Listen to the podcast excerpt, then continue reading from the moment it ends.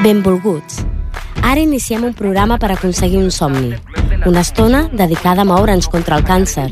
En ella us explicarem què és, us informarem sobre la seva prevenció, us ajudarem a recolzar els malalts i us mostrarem la feina que fem els voluntaris de l'Associació Espanyola contra el Càncer al nostre poble. Tothom es mou per un somni i el nostre és acabar amb aquesta malaltia. moving, all the people moving. Just one dream. We say moving, all the people moving. One move for just one dream. Tiempos de pequeños movimientos, movimientos en reacción. Una gota junto a otra de oleaje, luego mares, océanos. Nunca una ley fue tan simple y clara. Acción, reacción, repercusión. Murmullos se unen, forman gritos. Juntos somos evolución. Moving, all the people moving. One move for just one dream. We say moving, the people moving. One move for just one dream. Escucha la llamada de mamá tierra, una de la creación. Bona tarda i benvinguts a la vuitena edició de Movem-nos contra el càncer. Avui ens espera un programa realment especial. Uh, començarem a resumir les activitats del darrer mes d'octubre, on farem èmfasi a la taula rodona sobre el càncer de mama i el perit de bàsquet solidari. Tindrem a dues de les jugadores que han fet possible aquest partit, l'Alba i la Nora.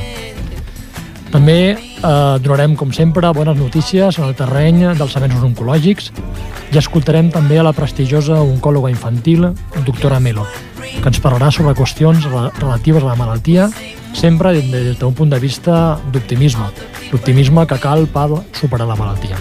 Benvingut al programa i comencem. Just one dream. L'agenda.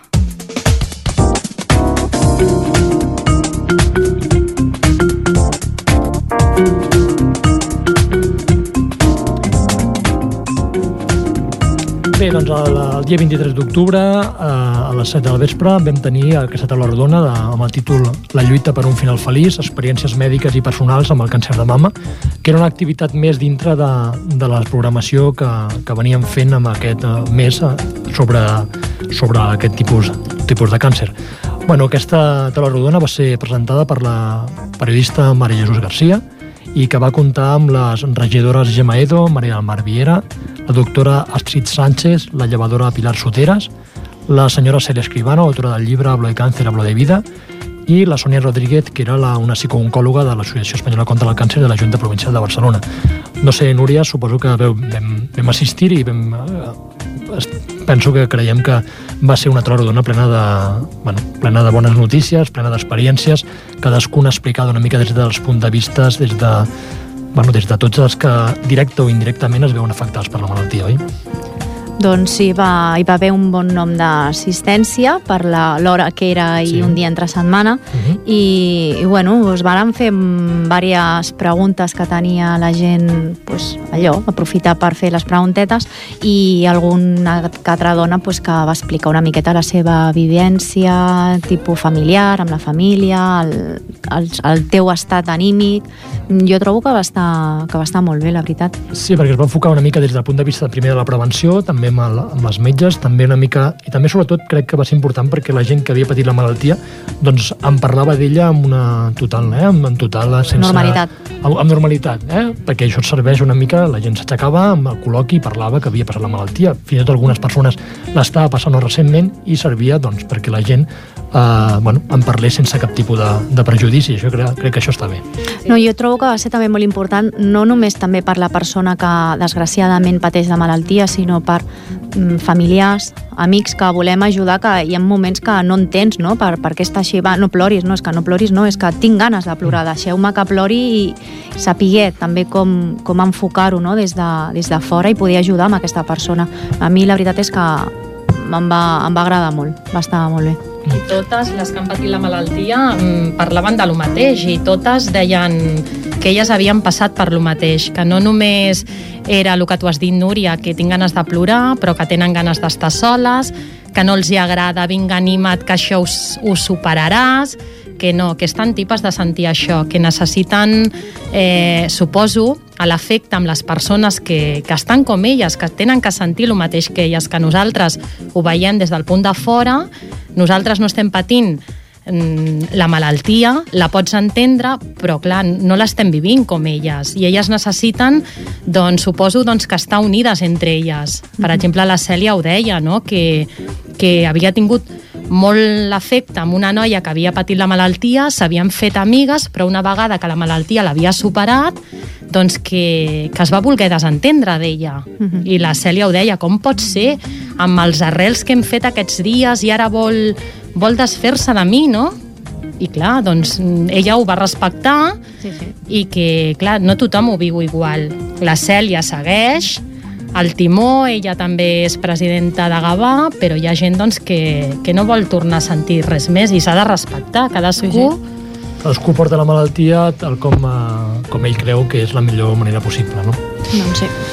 Bé, després també, eh, per acabar, diríem, aquest mes d'octubre, el que, Núria, el que vam, eh, es va organitzar una mica va ser un partit, tot un partit de bàsquet, de aquí amb bàsquet la... femení, amb el- el CB Ripollet femení, el sènior, uh, va sorgir una miqueta la idea de, doncs mira, com que eren les noies, tocava més el càncer de mama i tal, i bueno, doncs vam decidir a veure si es volien oferir a col·laborar amb nosaltres, i de seguida ens van dir que sí. I bueno, tenim aquí a la Alba i a la Nora, que ens han cedit una miqueta a fer una entrevista petitoneta. Molt bé, doncs a veure què, què ens expliquen. Bona tarda, noies. Nervioses? No. Bueno, una mica. Una miqueta. Bueno, com us veu assabentar de la proposta de l'associació que us demanava col·laborar contra el càncer de mama?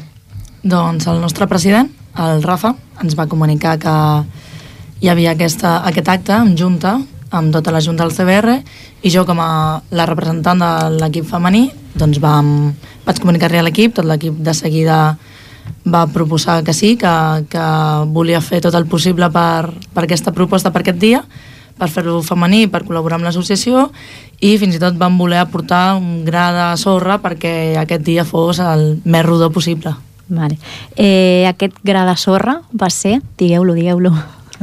Doncs que nosaltres bueno, vam tenir una proposta de fer un calendari femení per ajudar a pagar-nos la fitxa uh -huh. durant tota la temporada i en va coincidir que aqu- aquell dia vam començar a vendre'ls i vam decidir amb tot l'equip de donar una part d'aquests diners en aquell dia especial a l'Associació contra el Càncer. Molt bé. Eh, que va ser una bona aportació també per part vostra. Eh, com valoreu el resultat final de la iniciativa? Doncs la veritat que el valorem de manera molt positiva, ja que va ser un dia on la participació femenina, que en aquestes ocasions és més important perquè és eh, on afecta el càncer de mama, va ser molt bona, tant per part del bàsquet Sant Graviel, que van venir tots els equips femenins, com pel nostre partit, i la veritat que va ser una experiència molt bonica perquè a part va venir el grup Rima Moyo eh, que primer van fer una batucada i va ser un ambient molt festiu i a part es van recaudar diners que també és important Molt bé, molt bé. Eh, ja heu dit, no?, que la reacció de tot l'equip va ser positiva, no? De seguida veu dir que, que sí, no?, que, que us agradaria col·laborar, o algú va dir que no.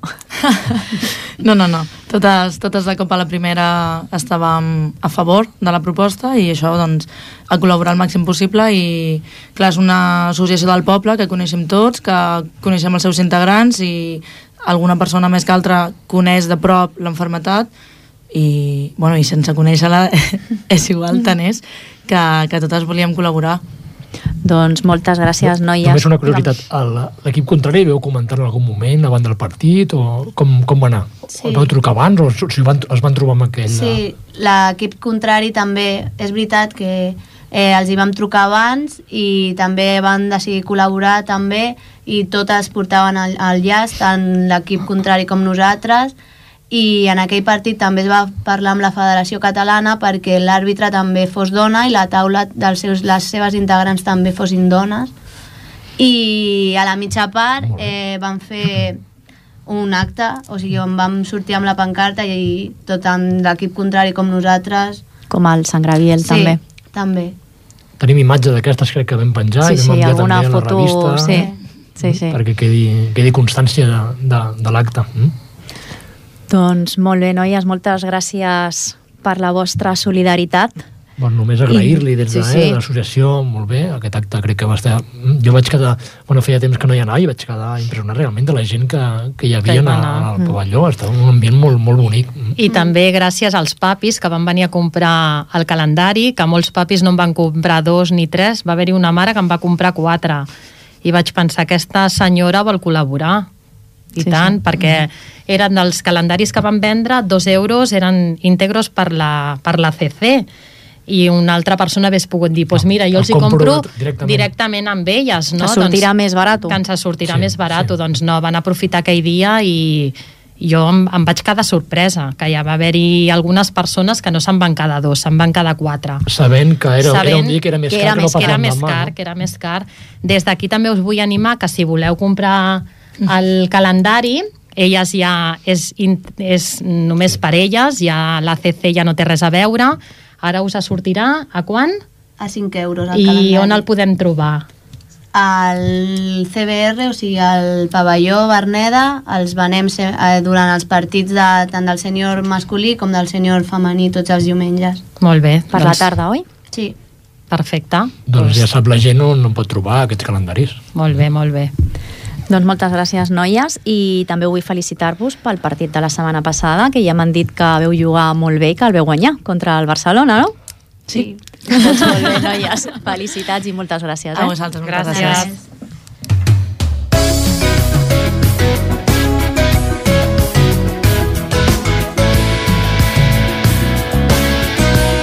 El monogràfic.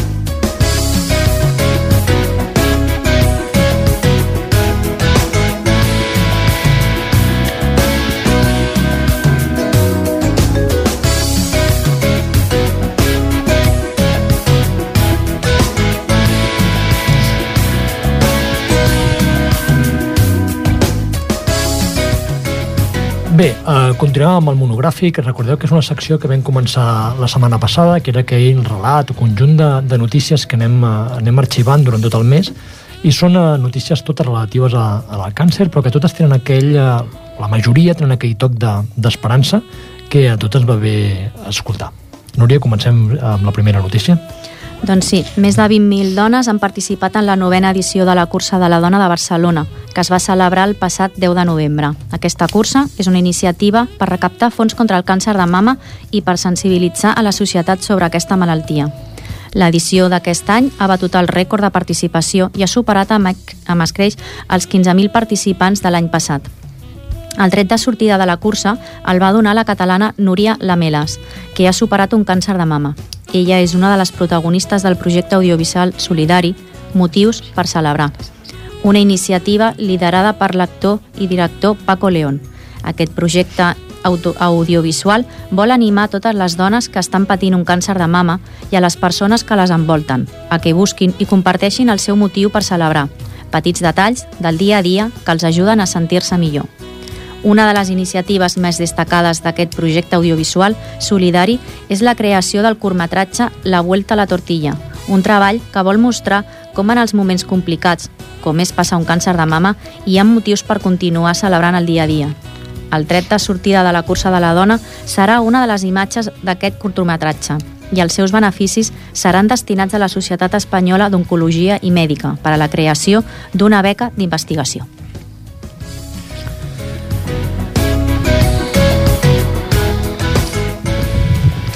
Generalitat regularà per llei que la cigarreta electrònica tingui les mateixes prohibicions que el tabac. Diu, properament presentarà un avantprojecte de llei que regularà el consum, venda i publicitat d'aquests dispositius. En el moment que s'aprovi aquesta llei, les cigarretes electròniques no es podran consumir en cap espai públic, ni restaurants, ni bars, centres sanitaris, escoles, hotels o aeroports, entre d'altres. Aquesta proposta de llei respon a la decisió de la Conselleria de Salut que considera que aquests dispositius provoquen els mateixos efectes perjudicials que el tabac, ja que redueixen la capacitat pulmonar i contenen substàncies cancerígenes. A més, la propera setmana, la Conselleria de Salut impulsarà un acord de govern per prohibir de forma immediata el consum de cigarretes electròniques a les dependències de la Generalitat, ja siguin escoles, hospitals, biblioteques o àrees de serveis socials, entre d'altres.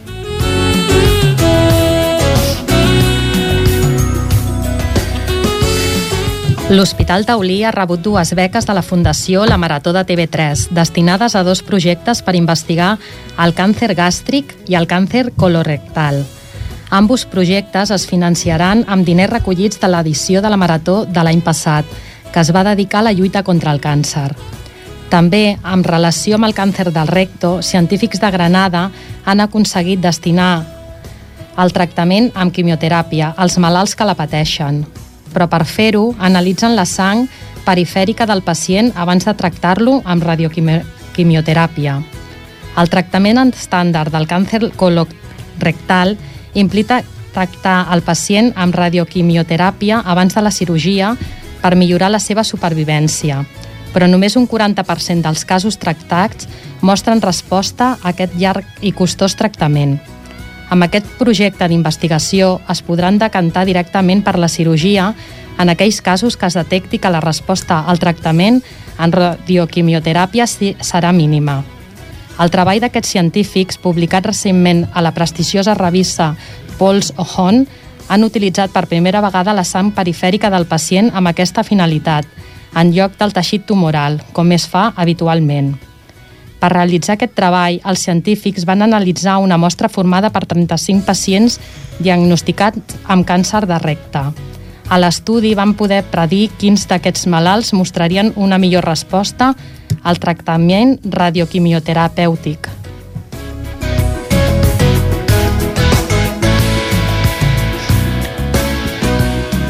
Una decena de professors d'una escola de música de Gin utilitzen la musicoteràpia per mitigar el patiment dels pacients durant les sessions de quimioteràpia.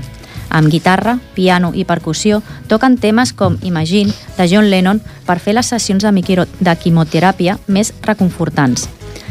La musicoteràpia ambiental per a malalts de càncer és una experiència pionera en les unitats d'oncologia dels hospitals espanyols. Els professors de música fan sessions individualitzades per les habitacions de la planta d'oncologia, on busquen la participació activa del pacient. Posteriorment, van a l'hospital de dia a acompanyar musicalment els malalts que fan quimioteràpia. La musicoteràpia, Natàlia Garrido, va idear aquest projecte i el fa present a la direcció de l'Hospital de Gin, a la seva tornada dels Estats Units, on va treballar en aquest camp.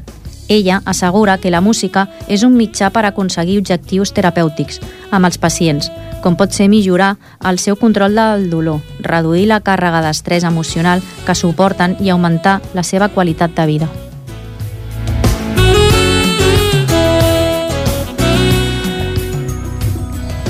Científics de la Universitat de Barcelona han confirmat que el sofregit amb oli d'oliva, ceba, all i tomàquet conté substàncies antioxidants que ajuden a prevenir el càncer i les malalties cardiovasculars. La investigació que publica la revista Food Chemistry es van analitzar 10 tipus de sofregits.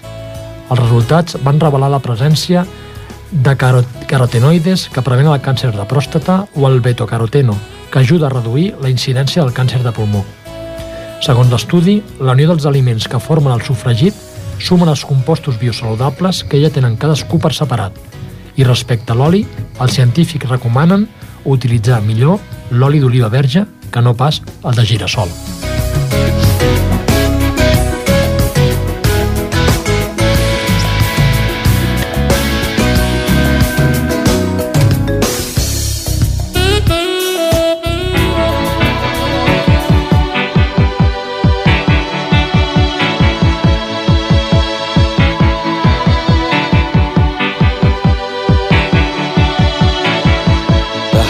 of blue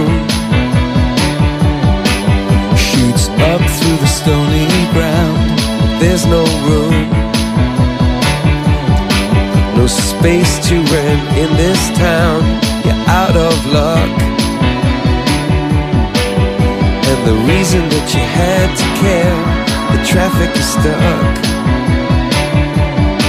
And you're not moving anywhere. You thought you found a friend take you out of this place.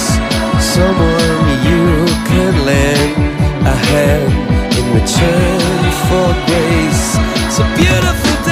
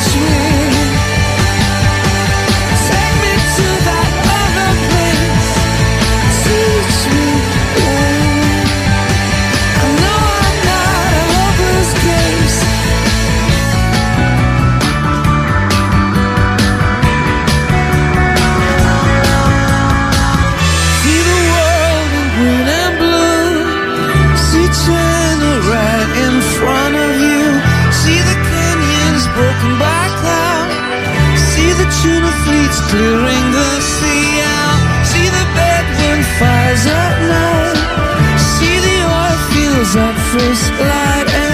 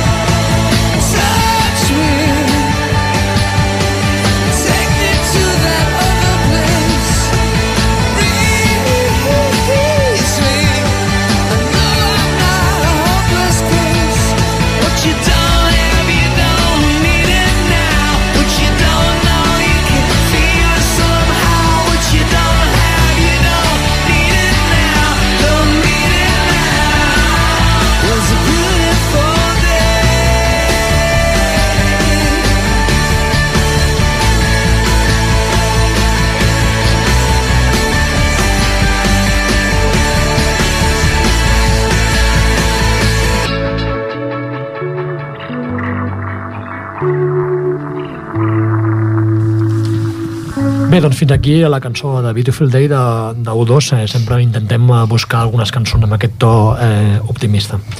Molt bé, doncs res, només recordar-vos que si voleu podeu intervenir al programa. El telèfon és el 93 594 2164, eh, 93 594 2164 i ja sabeu que els podeu trobar també en el Facebook a ASC Ripollet, eh, repeteixo, ASC Ripollet, o a la pàgina, eh, al correu que tenim, que és el doble baixa M, assripollet arroba gmail.com i si voleu trucar-nos directament podeu fer-ho al, al 670 32 7883 repeteixo, 670 32 7883 i si voleu venir directament al lloc de trobada el sabeu el dilluns, cada dilluns de 10 a 12 aquí en el centre, en el centre cultural Bé, eh, com sempre, aquesta secció és el moment que fem eh, la crida que sempre fem a tothom, a tot el poble de Ripollet, perquè qui vulgui ens vulgui acompanyar i entrar de voluntari, doncs, doncs ja sap com fer-ho, té tots aquests canals per eh, poder fer-ho, i més ara que comencem l'any, oi? He de començar a planificar quines són les, Les activitats. No, les activitats, perquè això és, és un no parar. Ara comença el nou any i a partir d'aquí ja començarem el mes de, el mes de febrer, el dia 4, ja el dia Mm. internacional del càncer comencem, Sant Jordi a la Rambla, i les activitats que anem fent i sempre anem col·locant, com ja sabeu, alguna activitat nova. Per tant, demanem, si us plau a tothom qui vulgui i ens acompanyi, doncs que, que, que, no, doncs que serà agraït de, de venir. Mm? Doncs sí, quan més gent siguem, més coses podrem fer. I tant. Sí, sí, ja, ja ho sabem i a més a més també, a part, si volem, eh, vol treballar també i també de mans obertes pot venir aquí a, a ajudar-nos al programa de ràdio, doncs també eh, podem, I tant, i tant. podem fer-ho sense... Alguna periodista que ens estigui escoltant, que estigui fent pràctiques a la uni, eh, també seria interessant si volgués venir a A donar-nos un cap de mà, un també. cop de mà, a col·laborar amb nosaltres el dia de la ràdio, aquí aquí agafem Totalment, a qui sigui. totalment d'acord i com ja sabeu, com sempre hem anat dient que, no, que la gent no es pensi que això és una col·laboració diària, sinó que ja sabem va. que reunem, tenim projectes específics Dies, i després dies reunim puntuals, també. dies puntuals, Clar. que en aquell dia sí que tenim feina perquè són eh, dies puntuals 6, 7, 8 cops l'any per tant, que la gent que, que tingui aquest esperit solidari, que vulgui col·laborar amb nosaltres doncs ja, ja sap on, on trobar-nos, eh? repeteixo si voleu el telèfon 670 32 78 83 molt bé, i sense més preàmbul passem a una, a una part, diríem que, que molt important de, del programa d'avui.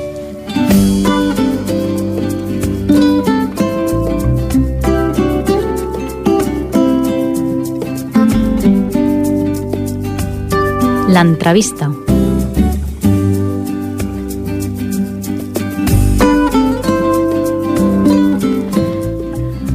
L'entrevista eh, la vaig fer la setmana passada, el dimecres. Em vaig desplaçar a l'Hospital Taulí, a la secció d'Oncologia. Uh, M'estava esperant la Montse Selves, que és una infermera, que gràcies a ella ha sigut la que ens va posar en contacte amb la doctora Melo.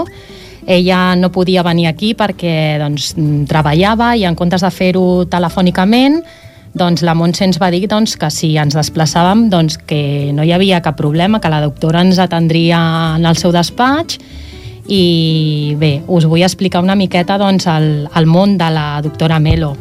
Es mou en el món del càncer infantil des de l'any 1977, ha tractat a un munt de nens però mai ha perdut el seu factor humà. Això ho podem observar amb la forma que ella saluda i com reben tots els nens que actualment estan malalts, com els que ja s'han curat. Ha viscut com inicialment un 50 dels nens que superaven el càncer i ara ho fan un 80% i es preocupa molt pels seus pacients, tant amb el seu tractament, amb la seva malaltia i emocionalment, i també amb les famílies. La veritat que jo vaig entrar al, al Servei d'Oncologia Infantil, la doctora no hi era encara, hi havia la Montse, i, bueno, un, uh, em van saltar les llàgrimes, perquè els nens se li tiraven a la Montse, eh, la Montse els hi donava batons, bueno, mm, una passada, una passada. Mm, jo em va impactar molt, després les vaig felicitar, els vaig dir que feien una gran feina i que, que, bueno, que tenen molts dies de recompensa i uns altres que no però la doctora és superoptimista, però moltíssim, moltíssim. Jo és que em va deixar de pedra. I, i res, ara us volem presentar l'entrevista que, que li vaig fer. Eh, hola, bona tarda. Avui ens acompanya la doctora Melo. Eh, bona tarda, doctora Melo. Bona tarda. Eh, sovint associem el càncer amb adults degut als mals hàbits alimentaris, consum de tabac, exposició solar excessiva, l'alcohol, però la realitat ens diu que els infants també pateixen càncer. Per què? Sí, els infants també pateixen càncer, amb molt menys que els adults, per sort.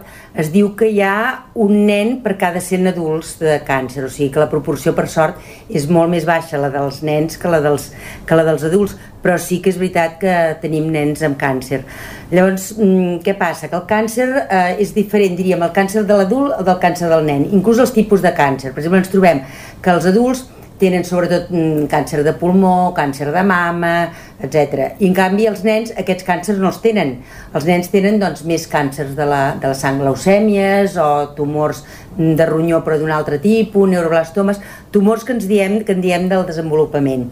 I la diferència de la pregunta que em feies de nens i adults és perquè els nens tenen més els càncers com de base mm, genètica i que al anar- al anar-se desenvolupant es desenvolupen també aquestes cèl·lules i fan el tumor i en canvi els adults sí que doncs, amb tots aquests hàbits, mals hàbits que, que hi ha a vegades alimentaris, de, de tabac, del sol i tot això, els influeixen, els influeixen més.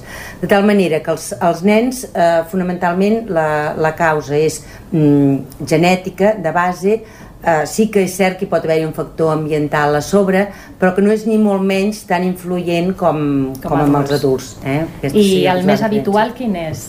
El més habitual són les leucèmies. O sigui, les leucèmies formen les dues terceres parts dels càncers infantils. Eh, la leucèmia és el tumor, és el càncer de la sang, és el tumor líquid que en diem, i és el més freqüent en, en pediatria. Eh, en quan hi ha tumors sòlids, eh, el més freqüent serien els tumors mm, del sistema nerviós central o tumors cerebrals, els tumors del cervell, serien doncs, els més freqüents de tumors sòlids i els segons càncers més freqüents. Després ja seguirien els linfomes, els tumors de ronyols, neuroblastomes, etc. Molt bé.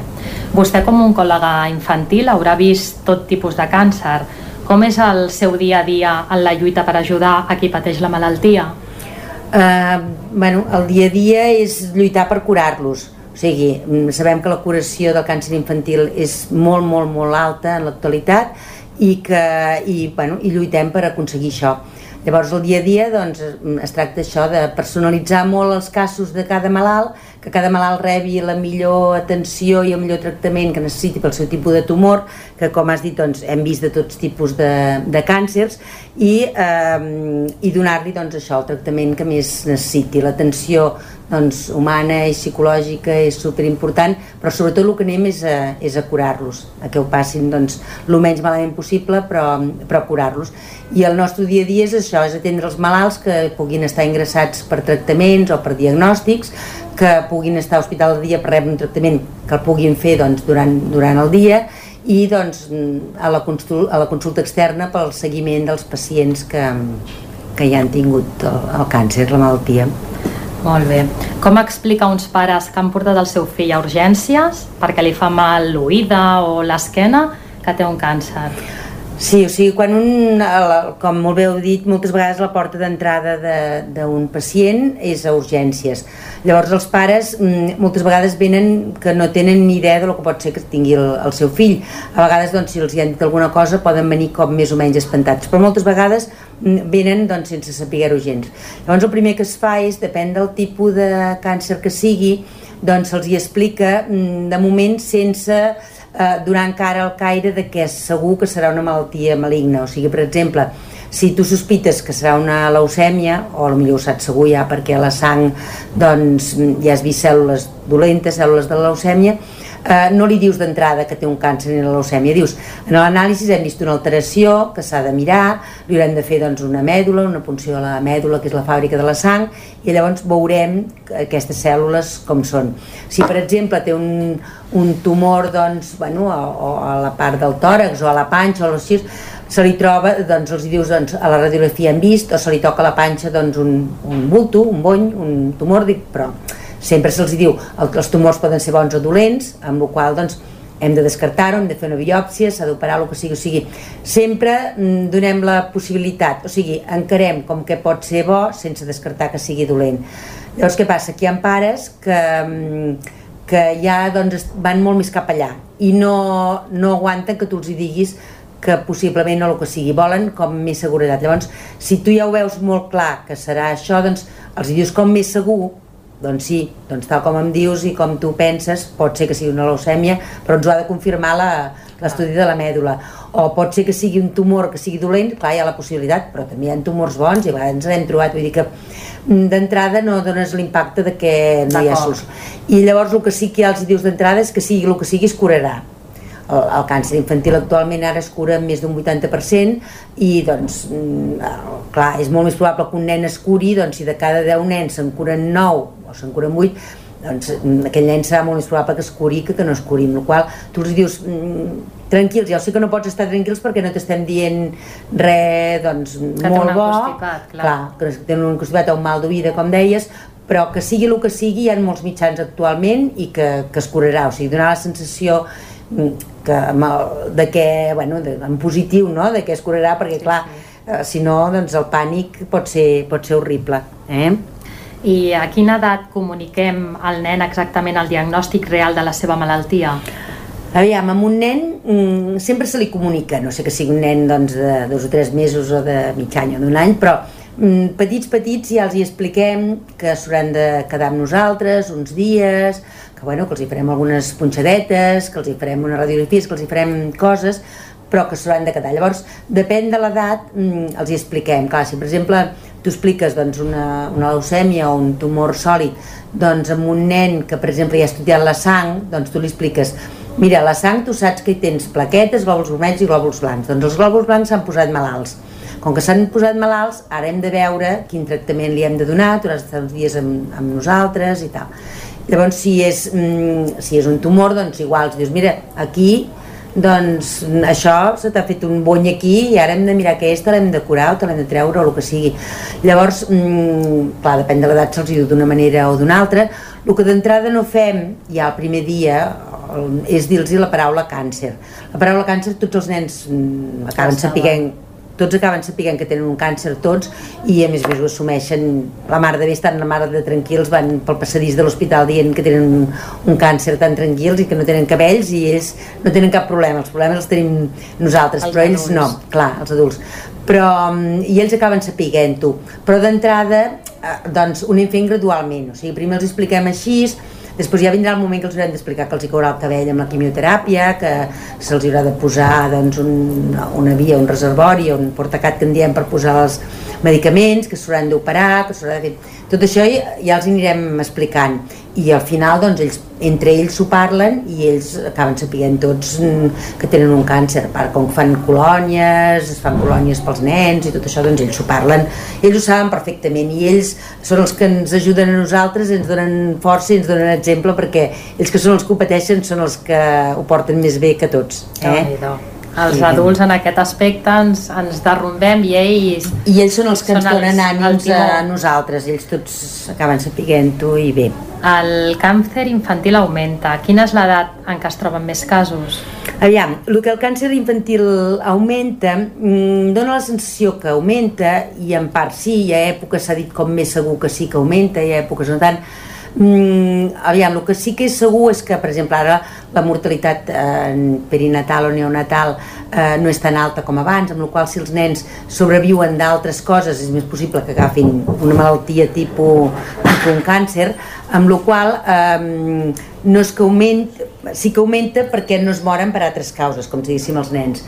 Eh, després l'altre factor que hi ha és que que el, els, el càncer mm, tenim uns registres en què registrem tots els casos que diagnostiquem. Llavors, cada vegada tot això dels registres de càncer es va perfeccionant més.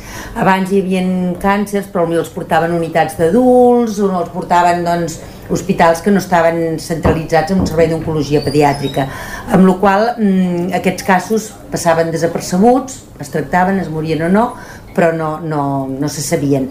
Amb la qual més que a vegades augmentar és que doncs, se'n coneix més i que a més a més és això, que al curar-se d'altres malalties doncs, hi ha més possibilitat que agafin càncer.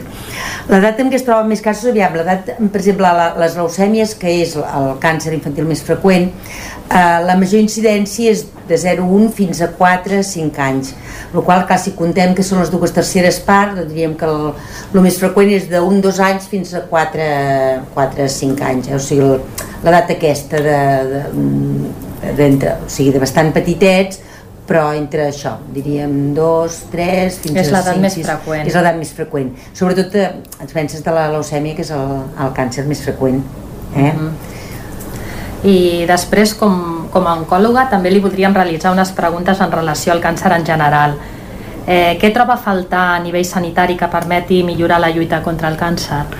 Mm, nosaltres aquí a, a, a Catalunya eh, havíem arribat o hem arribat a un, a un nivell dintre de l'estat del benestar diríem entre cometes que sempre es parla a un nivell sanitari molt alt o sigui doncs, mm, que no té res a envejar tots els, els centres doncs, d'Europa, doncs, d'Estats Units, etc.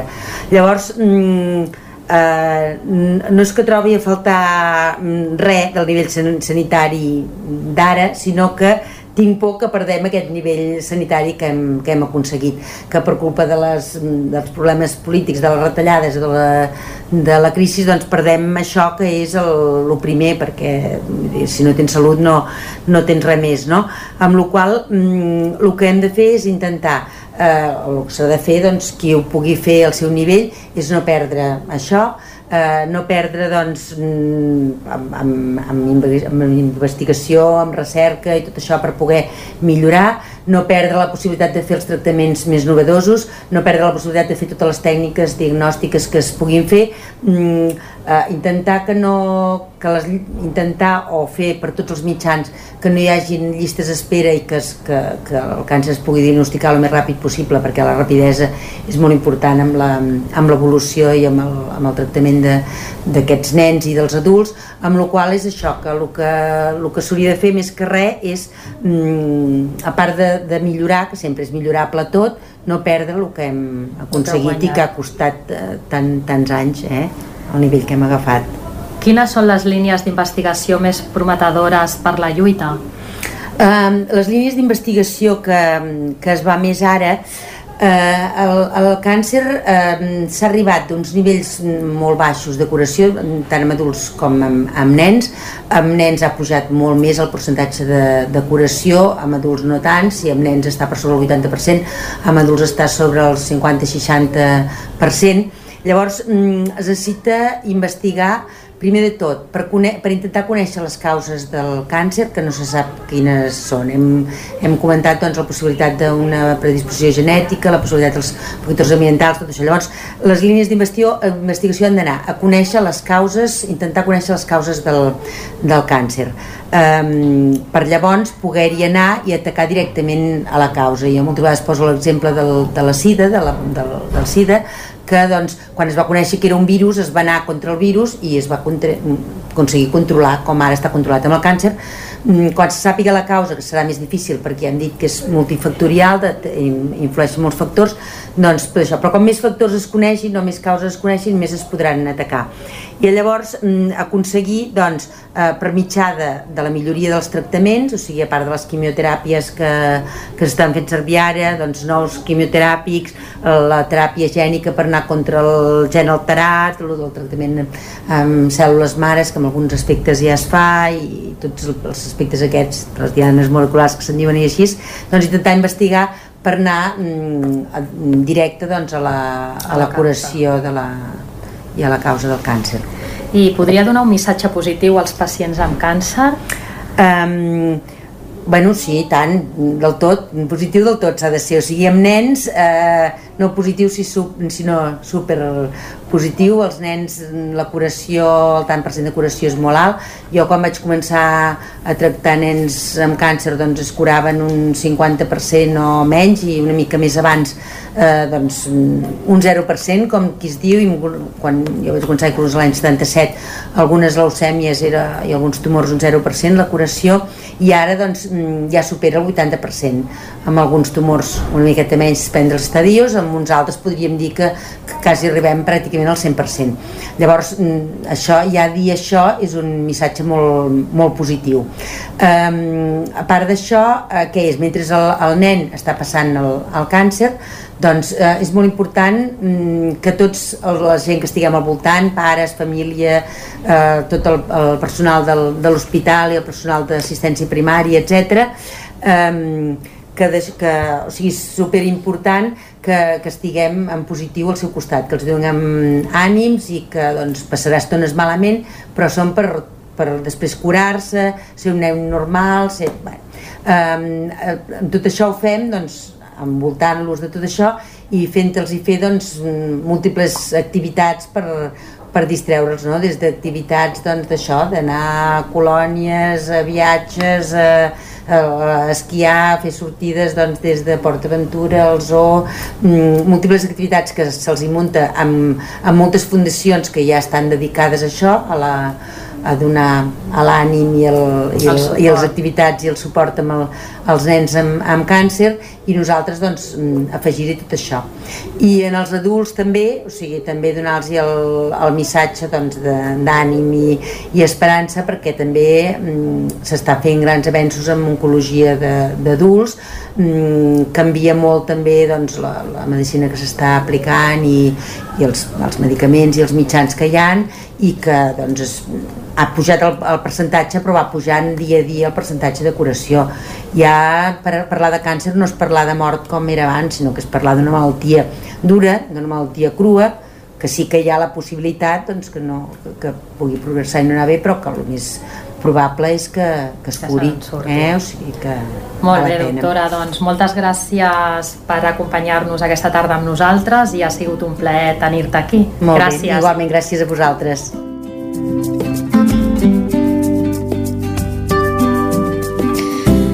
Eh, quan vam acabar l'entrevista amb la doctora, eh, ens vam descuidar. Des d'aquí li vull demanar perdó.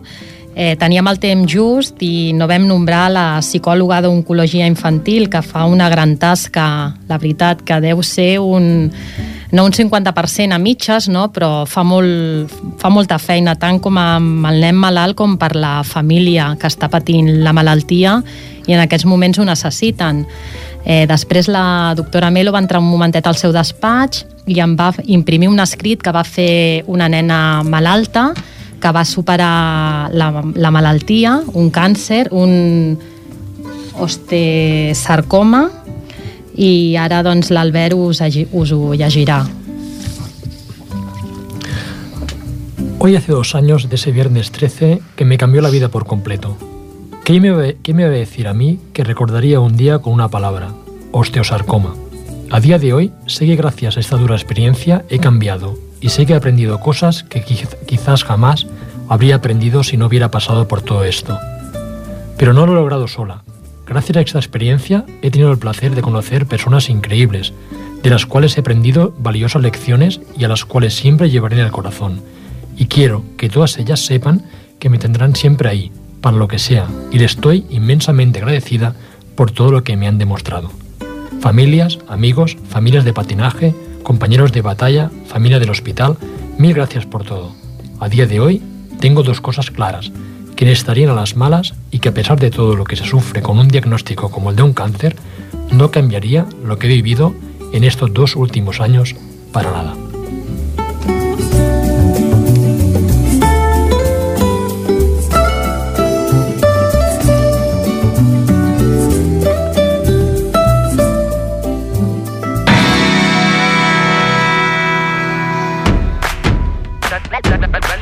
Del de la locomoción no puede, no puede fallar en este momento.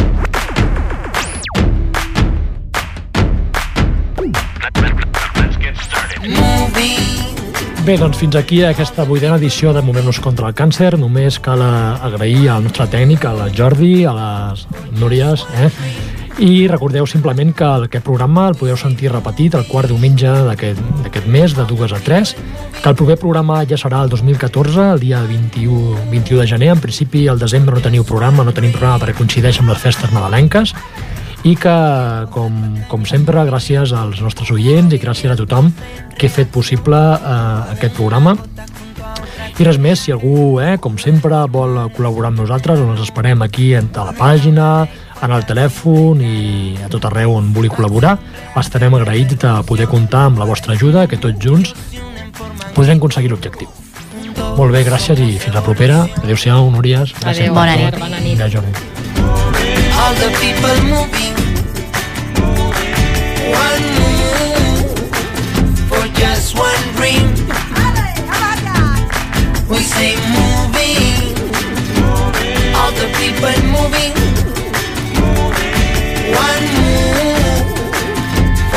one dream. Escucha la llamada de mamá tierra Una de la creación. Su palabra es nuestra palabra Su quejío es nuestra voz. Si en lo pequeño está la fuerza Si hacia lo simple anda la destreza. Volver al ori que no retrocede hace andar hacia el saber. Moving, all the people moving. One move for just one dream. We say moving, all the people moving. One move for just one dream. One move, por mí moviéndose. And the world, baby, come, whatever it what you want. One move, baby, moviéndose. And the world, baby, come, baby, come, whatever it what you want. This is the life, life, best, best. Under your feet. This is the life, life, best, best. Under your feet. This is the moving, all the people moving. One move one dream. We say moving, all the people moving. One move for just one dream.